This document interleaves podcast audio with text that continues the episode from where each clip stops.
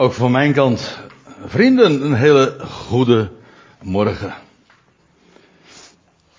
Ik zal me even voorstellen, want ik zag sommige mensen heel vertwijfeld kijken van wie is die ongeschoren kerel daar. Mijn identiteit is gelijk gebleven. Ik ben nog steeds gewoon André Piet. Nou, dan hebben we dat ook weer eventjes rechtgezet. En dan nu echt het onderwerp. En zojuist is het door Juri al even aangegeven. Hoe, en u ziet, ik heb het met opzet ook cursief uh, geprojecteerd. Hoe verzoent God de wereld tot zich?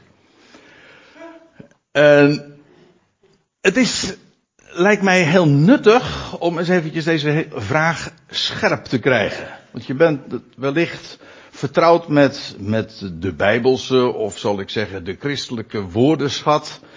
En daarin speelt verzoening uiteraard een hele grote rol. Maar het kan zomaar zijn, en dat is niet zomaar denkbeeldig, en ik ga dat straks ook aantonen, eh, dat daar heel veel gedachten bij een rol spelen die helemaal niet bijbels zijn. Misschien wel algemeen gangbaar christelijk, maar niet bijbels. En bovendien soms ook heel onlogisch, zodat je het niet begrijpt.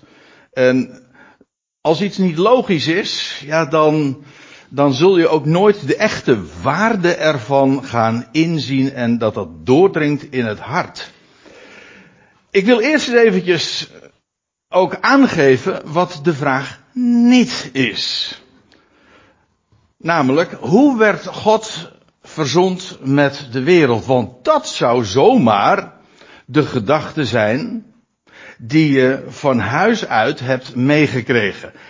Want hoe gaat dat dan? Het gangbare antwoord, en ik zeg van oudsher traditioneel in de christelijke wereld, is het zo dat men dan zo zegt, God werd verzond met de wereld en hoe dan wel? Wel, God werd verzond aan het kruis, want daar werd de schuld betaald, zodat God kan vergeven. Nou, als dat je insteek is, dan begrijp je, laat ik het meteen maar even heel duidelijk zeggen, niks van wat het onderwerp verzoening eigenlijk inhoudt. Ik zal ze punt voor punt even kort aanstippen wat daar al niet aan deugt, aan dit antwoord. Uh, om met het eerste te beginnen. God werd verzond. En schrik niet en wees niet verbaasd, maar het is echt waar. Ik daag u uit om het eens een, om het gewoon in de schrift na te gaan. Nergens in de schrift vinden we dat God zich verzoende. Of dat hij verzond werd. En de reden is eigenlijk heel eenvoudig. Ook dat komt straks nog uh, uitgebreider ter sprake. God is nooit een vijand geweest. Dus God hoefde zich ook niet te verzoenen en hij werd ook niet verzond. En dat God eh, werd verzond aan het kruis, verzoening vond niet plaats aan het kruis. Ook dat staat nergens. Maar verzoening vindt plaats door het kruis. En nou zou je natuurlijk kunnen denken van, ga je nou op al die slakken zomaar een korreltje zout leggen? Uh, hebben we niet wat belangrijkere dingen aan ons hoofd? Maar ik zal u vertellen dat het verschil gigantisch is. Ook dat wil ik duidelijk maken. En om nog eventjes door te gaan met dat antwoord, wat, das, wat dus gangbaar wordt gegeven. God werd verzond aan het kruis, want, en dat is dan de reden, het motief, daar werd de schuld betaald. Het idee is dan dat God vertorend is, of was, op de wereld, maar nu is daar iemand die in de bres is gesprongen, en dat zou dan verzoening zijn, namelijk Jezus Christus, en als een bliksemafleider is hij degene die de toorn van God afwendt. En hij is degene die de schuld die de wereld had opgebouwd, heeft betaald. En dat zou dan de verzoening zijn. Aan het kruis. Zodat God werd verzoend. God werd niet verzoend. Het vond niet plaats aan het kruis. Maar ik zal u vertellen, aan het kruis vond ook geen schuldbetaling plaats. De schuld werd niet betaald. Er werd wel een prijs betaald, maar dat was geen schuldbetaling aan God, dat was een losprijs. Degene die ons een losprijs, dat dient om vrij te kopen. Als iemand je gevangen houdt, hè, of bijvoorbeeld in de gevangenis, dan kan daar een, of bijvoorbeeld je, uh, er is sprake van een gijzeling en dan vindt er, uh, vindt er een losprijs plaats. En dan wordt er een losprijs betaald om degene die, die gevangen is, vrij te kopen. Dus dan wordt de prijs betaald aan degene die gevangen hield. Wel, de Bijbel spreekt ook over dat we gevangen, slaven zijn van zonde en dood. Wel, daar werd de prijs aan betaald. Dat wil zeggen, de prijs werd aan de dood betaald. Hij stierf. Dat was de prijs die hij aan de dood betaalt, zodat wij, ook dat zal ik straks nader laten zien, zodat wij daar uit die dood zouden worden vrijgekocht. Bevrijd uit de dood, oftewel leven. Met allemaal hoofdletters zouden ontvangen. En het idee was dan, om nog even nog een keertje helemaal langs te gaan, God werd verzond aan het kruis, want daar werd de schuld betaald, zodat God nu kan vergeven. Dat is dan uh, de uiteindelijke uitkomst van het idee wat men heeft van verzoening. Ja, wat betekent dat? Wel, uh, het, God heeft het zodanig allemaal geregeld, zodat hij nu op rechtvaardige gronden kan vergeven. Maar als dat zo zou zijn, dan is er geen eens sprake van vergeving. Als de prijs betaald is, als de schuld aan God betaald is, wat is er dan voor God nog te vergeven? U hebt, u hebt schuld aan mij. En een ander die zegt van, joh, jij hebt weinig geld, ik wil voor jou betalen. En die vervolgens die betaalt de schuld die u hebt aan mij terug. Moet ik u dan nog vergeven? Nee, er valt niks meer te vergeven, want de prijs is al betaald. Dus het hele idee van schuldbetaling is tegelijkertijd het teniet doen van vergeving om niet. Zodat het hele gangbare idee van verzoening, als je dat eens eventjes daarop inzoomt, en ik doe dat nu heel kort en misschien te kort door de bocht, maar om het eventjes toch uh, duidelijk te maken. Dat hele idee van verzoening zoals dat altijd wordt gepresenteerd. Jezus Christus kwam om de schuld te betalen zodat God niet langer toornig en maar verzoend is en nou kan hij vergeven. Dat is absoluut niet wat de schrift leert. Maar nou, nogmaals, de vraag. Hoe verzoent God de wereld tot zich? Nooit lezen we in de Bijbel dat God zich verzoende met de wereld. Of dat God verzoend werd met de wereld. Wat we lezen, en we hebben het zojuist ook gelezen in 2 Korinthe 5, maar het staat op meer plaatsen. Het is altijd Paulus die dit woord voor verzoening gebruikt. Dat is een heel speciaal woord. Elders vinden we dat eigenlijk nergens.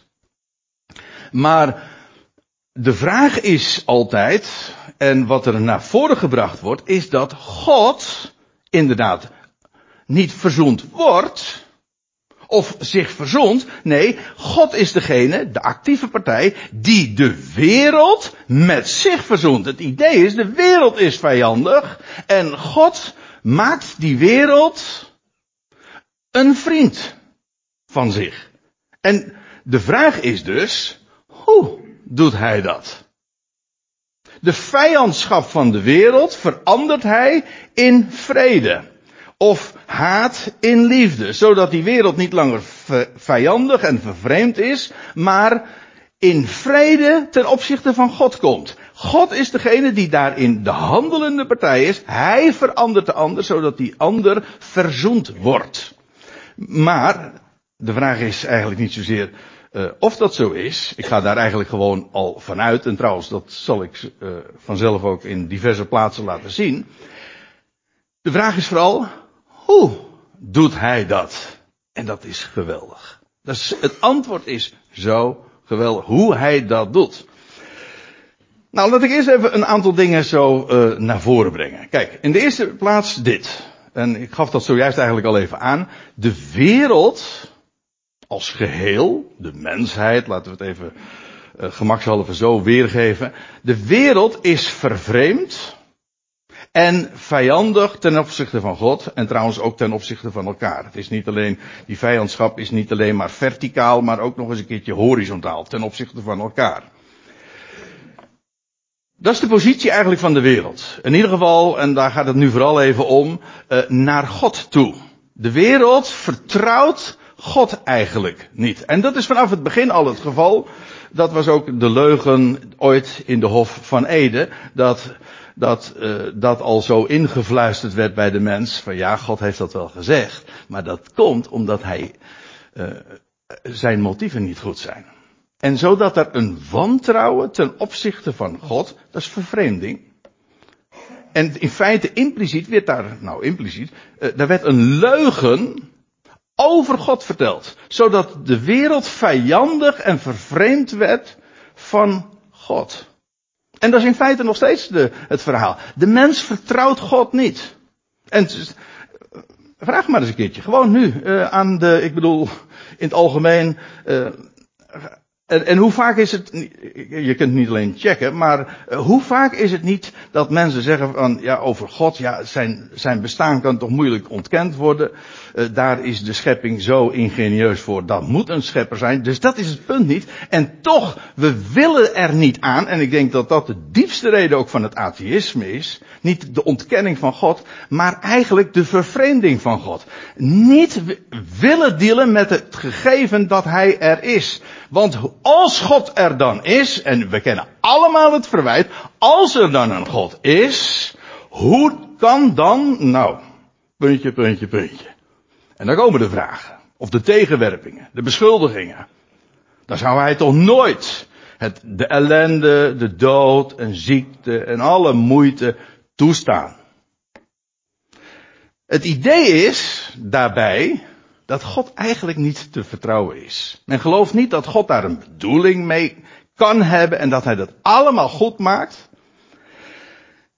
Hoe dan ook, de wereld is vervreemd en vijandig ten opzichte van God. En al is het nog geen eens echte, regelrechte vijandschap, men is wel van hem vervreemd geraakt. Nou, uh, dat kwam op een hoogtepunt, of beter gezegd, het dieptepunt, toen ooit 2000 jaar geleden God zijn zoon gaf. Hij die tevoren was aangekondigd en beloofd. En toen kwam hij en wat gebeurde er? Overigens, zoals voorzegd. Maar dat even terzijde. Wat gebeurde er? De wereld heeft de zoon van God gekruisigd. Geëxecuteerd. De ergste dood die je maar kunt bedenken, heeft de wereld gereserveerd voor de zoon die God aan de mensheid gaf. Nou, als er één bewijs is van die vervreemding en vijandschap ten opzichte van God, dan is het wel het kruis. Het kruis symboliseert de vijandschap van de wereld ten opzichte van God op het hoogst of op het diepst of in ieder geval op zijn extreemst. Nooit is die vijandschap duidelijker, extremer, heftiger aan het licht gekomen dan daar aan het kruis. Het kruis is daarmee, en dat is heel wonderlijk, want we gaan straks zien dat het kruis het embleem is van verzoening en we zijn er allemaal mee vertrouwd geraakt. Maar ik wil eerst eens eventjes uh, u eigenlijk erop attenderen hoe verschrikkelijk onlogisch dat in eerste instantie is. Het hele idee dat het kruis een embleem is van verzoening. Hm? Denk er even gewoon logisch over na. Even zonder alle theologische ballast. Als ik een pistool laat zien en ik zeg van nou dat is een symbool van, van vriendschap. Dan zeg je, pardon, uh, dat is een moordwapen, ja? Of ik zeg, een galg, dat is een symbool van leven. Dat is niet logisch. Hoe kan het kruis, waar de wereld de zoon van God aan spijkerde en volstrekt ten onrechte en onrechtmatig aan het kruis nagelde, dat, die daad, hoe kan zo'n daad van haat, van vijandschap, van extreme vervreemding, hoe kan dat nou het symbool van verzoening zijn? Het is een symbool van moord, van haat. Nou, dat. Dus, dat kruis, dat moet je eerst zien, dat is een symbool van de haat en de vijandschap van de wereld. Dat is wat de wereld met Gods zoon deed. Dat is niet moeilijk. Als je gewoon logisch nadenkt, zeg van ja, dat is, dat is begrijpelijk. Zo, zo is het gegaan. Maar nou komt het. Dit is, het belangrijkste onderdeel van de, de ketting, zeg maar. Punt 3. Het is door de dood van zijn zoon, van Gods zoon, geeft God de wereld het leven. En zo verzoent hij vijanden tot zich. Dit heeft echt een nadere toelichting nodig. En niet alleen een toelichting. Ik wil eerst ook vanuit de Bijbel laten zien dat het zo is. Want uh, we moeten wel de bonnetjes erbij geven. Het gaat niet alleen maar dat het logisch is. Het moet ook inderdaad conform dat zijn wat er staat geschreven. En dat wil ik graag laten zien. Want het is een enorme ontdekking als je dat gaat begrijpen. Door de dood van zijn zoon, door de dood, eigenlijk dwars door de dood heen. Dat wil zeggen, hij stierf. En hij stond op uit de dood. Dat is dwars door de dood. Door de dood van zijn zoon geeft God de wereld het leven. Aan een vijandige wereld. En zo verzoent hij vijanden tot zich. En dat is zo duidelijk en vanuit de Bijbel en om het ook te begrijpen. Nou, laat ik eens wat voorbeelden geven. En eerste plaats dat schriftgedeelte wat we zojuist ook hebben gelezen. In 2 Korinthe 5. En ik ga niet uh, vanaf het begin, vanaf vers 14 tot 21, dat helemaal bespreken. Het gaat mij specifiek om een antwoord te geven op die vraag: hoe verzoent God de wereld tot zich? En daar staat in vers 18 dan dit. Alles echter is uit God. Nou, dat is een waarheid uh, op zich waar je al uh, een, een, hele morgen zo over zou kunnen nadenken. Alles, het al is uit God. Hij is degene die het allemaal bedacht heeft en gerealiseerd heeft. En hij zet het op zijn plek, de juiste plaats, de juiste tijd. En alles is in overeenstemming met ja, het feit dat hij God is. Hij is degene die het allemaal plaatst. En hij is degene die dat voortbrengt. En alles is echter, alles echter is uit God, die ons tot zichzelf verzoent. Ziet u? Niet die zichzelf tot ons verzoende. God hoeft er niet verzoend te worden. Nee, hij is degene die ons tot zichzelf verzoent. Wij zijn de vijandige partij en hij is de handelende, degene namelijk die ervoor zorg draagt dat wij tot hem met hem verzond worden. Ziet u trouwens, dat vijandschap geen blokkade is om verzond te worden? Ik ga het omkeren. Vijandschap is een voorwaarde om verzond te kunnen worden. Als je niet, als je niet geen vijand bent, ja, dan, dan valt er niks te verzoenen. Sommige mensen, ja, maar, maar je moet het wel accepteren. Nee, de vijandschap dat is wat uh, de wereld kan leveren, om zo te zeggen. Dat is wat wij zijn. En God is degene die vijanden tot zich verzoent. Nou, alles is uit God. Hij doet dat. Die ons tot zichzelf verzoent. En dan sla ik even wat over. En dan staat er in vers 19. Hoe dat God in Christus, in hem die stierf, wat meer is, opgewekt werd de wereld met zich verzoenende was. Hier wordt het als een activiteit, als een tegenwoordige tijd gezien. Hij was bezig te verzoenen. Let op, niet zich met de wereld uh, verzoende. Nee, hij was bezig de wereld met zich verzoenen, te verzoenen. En dan staat erbij, waaruit blijkt dat dan? Wel, hen de misstappen niet toerekenend dat wat de wereld deed met zijn zoon, namelijk hem aan het kruis nagelen, God heeft dat de wereld niet toegerekend. Is trouwens precies ook het tegenovergestelde van wat dus het traditionele idee is over verzoening. Namelijk dat God op het kruis de zonde van de wereld juist wel toerekende en zijn zoon daarvoor strafte. Strafte. Nou. En, pardon.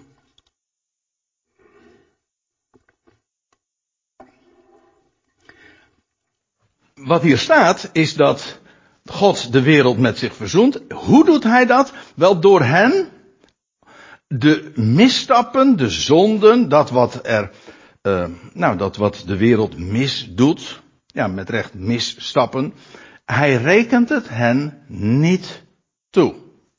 En ook is de vraag, waaruit blijkt dat dan? Waaruit blijkt nou dat God de misstappen van de wereld, nou wat de misstappen van de wereld zijn, is in dit geval niet zo moeilijk, want het gaat juist ook over het kruis.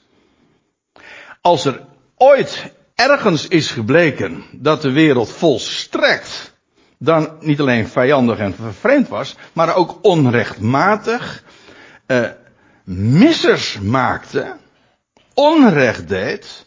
In de, eh, in de NBG-vertaling, zoals zojuist werd voorgelezen, staat er de overtredingen. Als er ergens de wereld overtrad, kwetsbaarheid gesproken, overigens.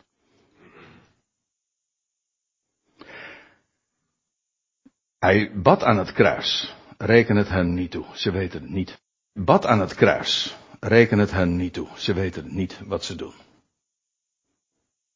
En God heeft het hen ook niet toegerekend. En weet u wat het bewijs is?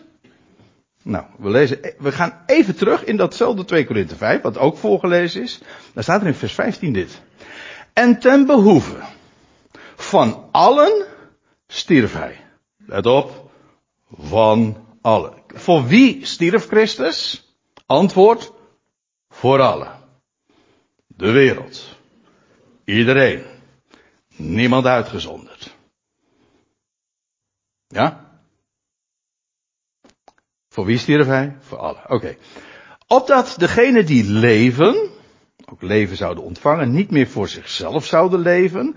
En nou komt het. Maar voor hem, die ten behoeve van hen stierf en werd opgewekt. Hij stierf voor allen. Ja, de wereld sloeg hem aan het kruis. Maar waarom stierf hij? Van Gods standpunt uit bezien. God heeft hen, zijn zoon ook overgegeven. Aan die wereld. En de wereld kon hem inderdaad aan het kruis nagelen. En God heeft zijn zoon overgegeven, heeft niet ingegrepen. Hij heeft het hen ook niet toegerekend. Want God, met wat de wereld deed, had hij een plan. Namelijk om zijn zoon op te wekken. En wat, is, wat heeft dat er nou mee te maken? Nou, dit. Dat opwekken, dat is precies de reden waarom Christus stierf. Waarom stierf Christus? Wel, om te kunnen worden opgewekt uit de doden en zo leven aan het licht te brengen. Want wat wij hier hebben op aarde, dat is geen leven. Dat is, bijbels gezien, sterven. We zijn stervelingen. We zijn bezig dood te gaan. We zijn allemaal stervelingen. En wat God doet, of God heeft gedaan, dat is een historisch feit, 2000 jaar geleden, drie dagen nadat hij was, zijn zoon was gestorven, aan dat kruis, die daad van vijandschap, daar in die zo, het was op een steenworp afstand dat hij begraven werd, drie dagen later werd de steen weggewenteld en werd hij eens voor altijd opgewekt uit de doden. En waarom werd hij opgewekt? Nou, om aan die wereld van stervelingen het leven te gaan geven. Hoe bewees God dat hij de zonden, de misstappen, de overtredingen niet toerekende aan de wereld? Wel door drie dagen later zijn zoon op te wekken en om via degene die zij hadden vermoord, om via hem en die opstanding van hem aan het leven te geven aan iedereen. En zo alleen kon hij worden opgewekt en zo zou alleen zou hij leven kunnen geven. Maar dat is ook precies de wijze waarop die verzoening plaatsvindt. Nog één vers, Romeinen 5. Want indien wij toen wij vijanden waren, wij waren vijanden, verzoend werden met God, ziet u ook hier weer, wij, God niet met ons, nee, wij met God. Toen wij vijanden waren, uh, werden we verzond met God. Hoe staat het er? Door de dood van zijn zoon. Dwars door die dood. Verzoent God ons. Dwars door de dood heen. Door sterven en opstanding. Verzoent hij de wereld. Geeft hij niet alleen aan die wereld het leven. Maar maakt hij ook die wereld. De vijandschap onmogelijk. Twee in één. Hij geeft door de opstanding hen het leven, maar maakt hij ook vijanden tot vrienden. Ik, en dat wil ik graag nog eens wat, wat scherper stellen. Want, ja, nou wil ik nog de laatste schriftplaats noemen in verband met die verzoening. Zo maakt vijandschap plaats voor vrede. En nu wil ik u nog meenemen naar Colossense 1. En daar staat in vers 20 dit.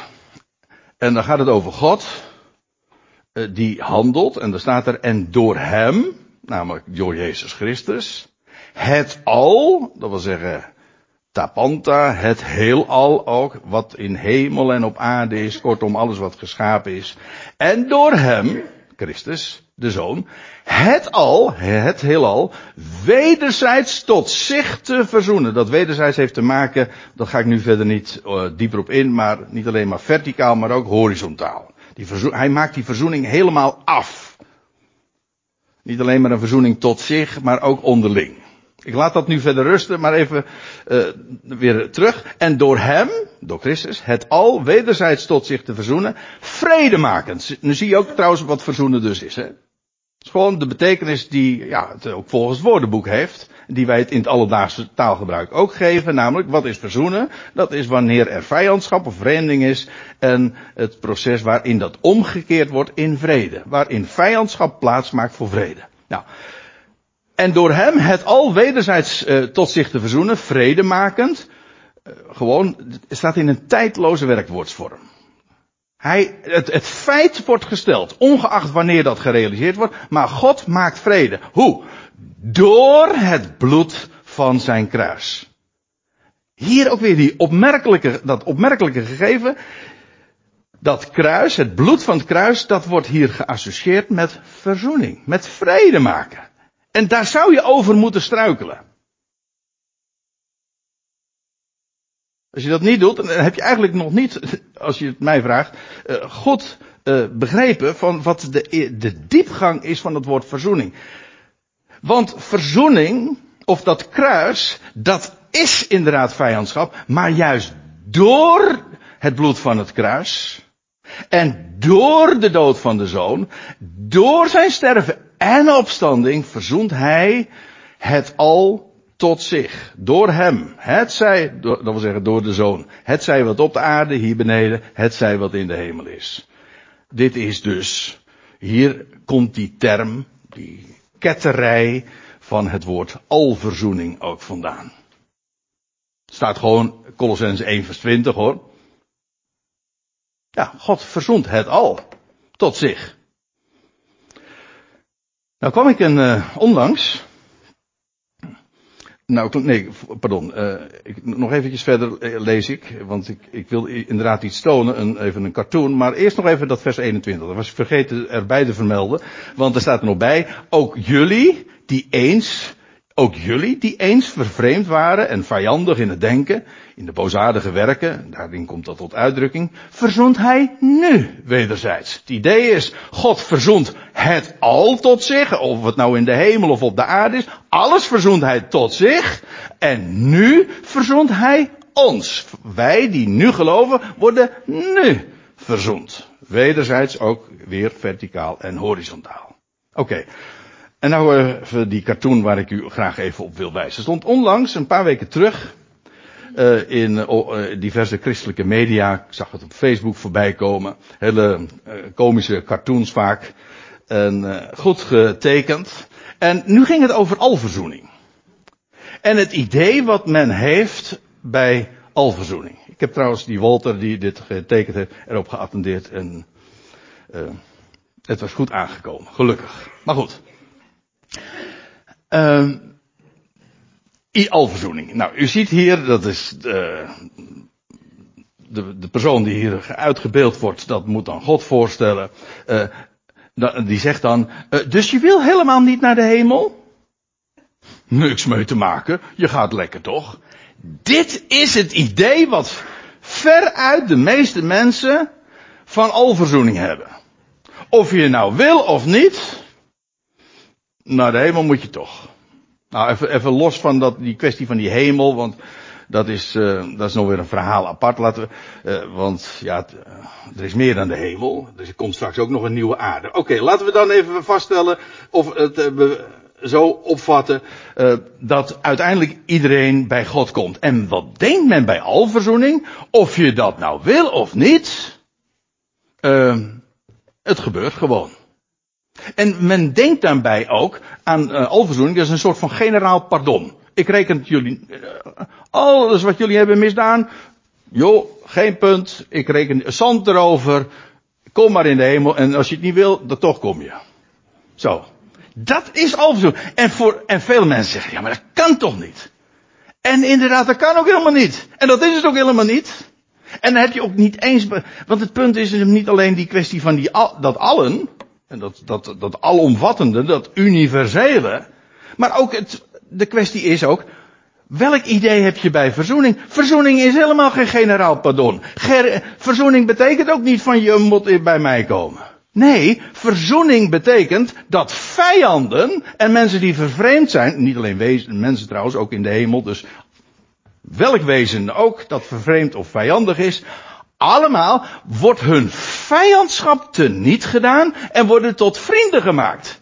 Dus er bestaat niet zoiets als dat er straks onwillige wezens bij God komen of mokken en zeggen, God, dat had ik helemaal niet bij willen wezen. Dan zou het nog een hel bij hem wezen. Als je op een plek bent waar je helemaal niet wezen wil. Dat schiet niet op. Maar dat is ook niet wat verzoening is. Verzoening wil zeggen dat al die schepselen, wie ook, veranderd zijn van vijanden in vrienden en liefhebbers van hem. Dat is wat God doet. Nou, daar wil ik graag nog wat, wat uh, specifieker op ingaan. Hoe maakt men een vijand tot een vriend? Je zou haast zeggen dat dit een lesje wordt in uh, hoe ga ik fatsoenlijk communiceren, maar dat, zo bedoel ik het niet. Uh, maar gewoon even de vraag je zo sec voorstellen en, en, en daarover doordenken. Hoe is het mogelijk dat je een vijand tot een vriend maakt? De Bijbel geeft er ook een antwoord op. Op meerdere plaatsen, maar ik vind deze wel heel erg fraai. In Romeinen 12, daar lees je dit.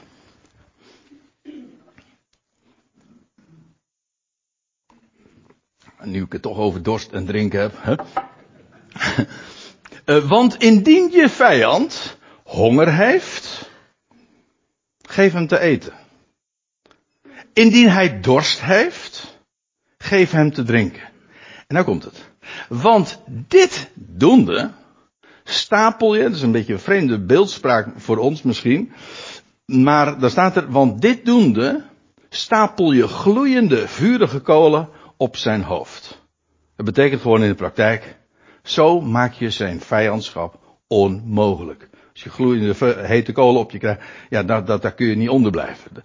Dat maakt je positie als vijand onmogelijk. Stel je voor, je bent een vijand van iemand. Je haat hem hardgrondig. En dan bevind je in omstandigheden dat je doodgaat van de honger of van de dorst.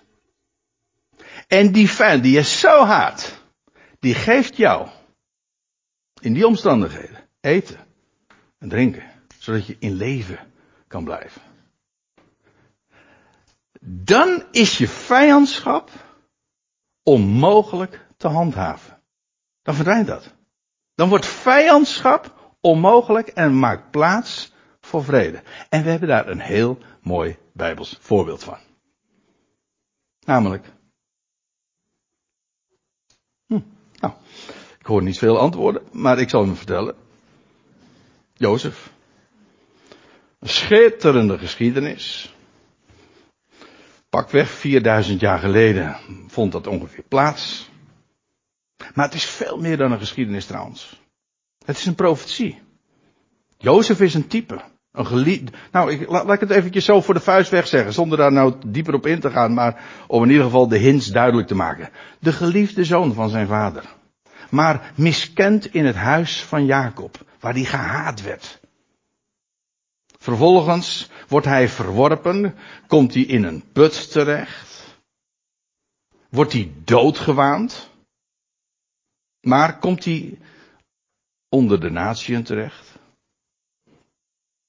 helemaal verborgen, om uiteindelijk, als de broers, het huis van Jacob, in grote nood komt, dan komen ze bij Jozef terecht, in eerste instantie nog incognito, en dan komen ze bij hem terecht, en wat doet hij dan? Zij hebben honger.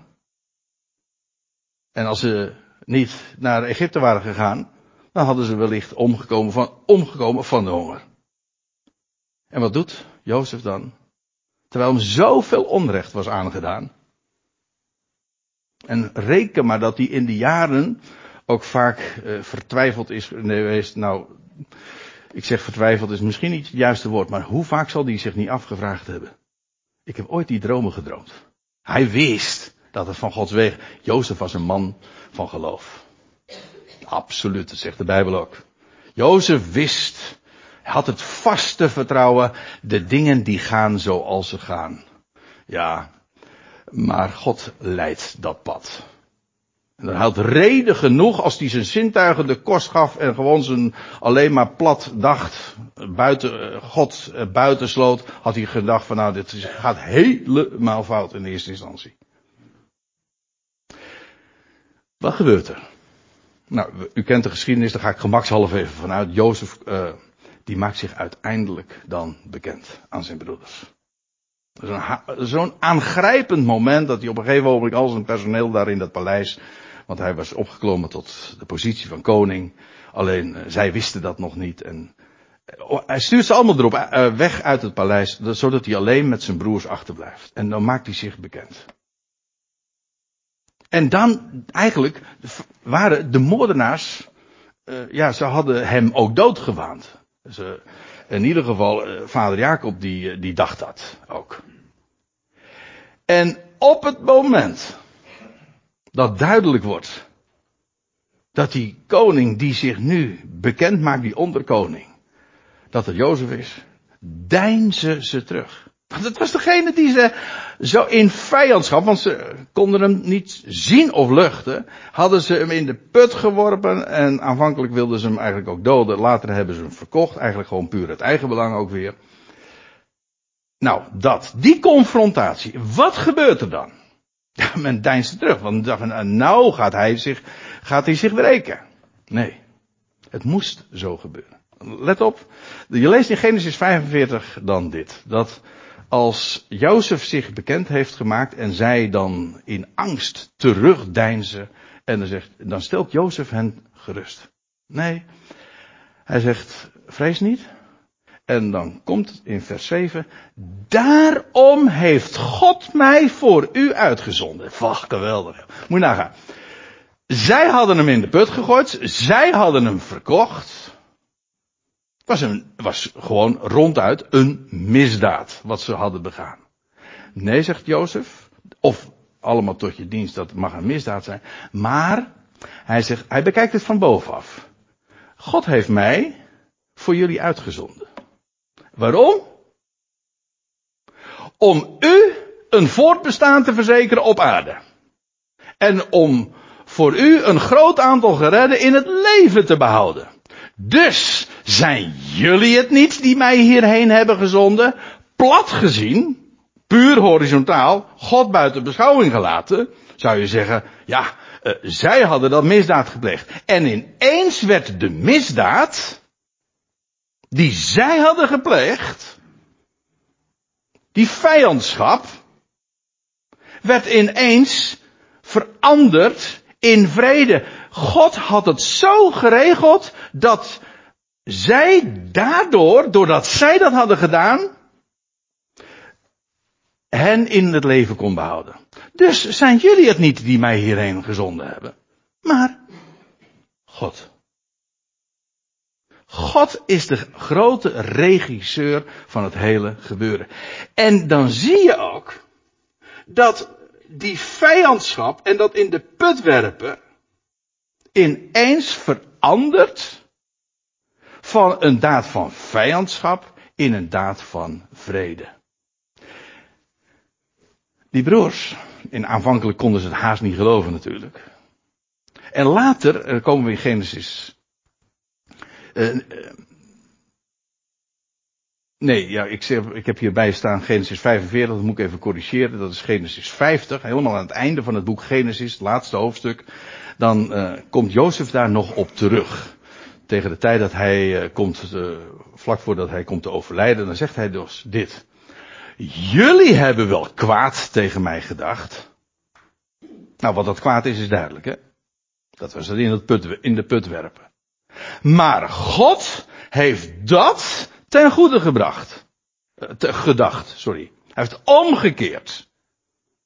En precies ook met, zoals wat er gebeurde met het kruis van Golgotha, een daad van vijandschap, maar juist daardoor heeft God het leven beschikbaar gesteld voor deze hele wereld. Hij geeft aan de wereld het leven. Maar niet alleen het leven, zo maakt hij ook vijanden tot vrienden. Dus het is, als ik het even oneerbiedig mag zeggen, het zijn twee vliegen in één klap.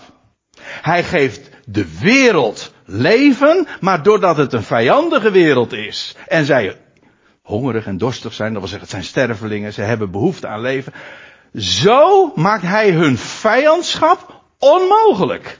En zo, door het bloed van het kruis, verzoent hij de hele wereld tot zich. Zodat het antwoord op de vraag, hoe verzoent God de wereld tot zich? Wel, het antwoord is door het bloed van het kruis. Of in de termen van de geschiedenis van Jozef, doordat zij hem in de put hebben geworpen. Zo, via die weg, doordat zij hem in de put wierpen, heeft God Jozef in staat gesteld hen brood, hen leven te geven. Nou, dat is precies wat God doet. En zo maakt God de, de vijandschap onmogelijk. De, de vijandschap smelt weg. Zijn liefde overtreft alles. Geen vijandschap zo groot of zijn liefde overtreft het. Dat is het kruis. Het kruis van Golgotha is het embleem in eerste instantie van de vijandschap van de wereld, maar bij nader inzien van Gods liefde. Als je nou de vraag stelt, hoeveel houdt God van deze wereld? Stel je voor dat we, de, dat we, dat, het altijd, dat we altijd in de Hof van Eden waren gebleven, bij wijze van spreken. En dat het nooit fout was gegaan, denken wij dan. Hadden we nooit geweten hoeveel God van deze wereld houdt. Hadden we trouwens ook het leven met allemaal hoofdletters, onvergankelijk leven niet gekend. Het moest allemaal zo gaan. Wat een God. Alles is uit God. En zo, door die weg, dwars door de dood, verzoent God heel de wereld, elk mens, zodat uiteindelijk iedereen op zijn knieën gaat. Vijandschap is onmogelijk, zodat heel de wereld hem zal erkennen. En wij, wij mogen dat nu al doen.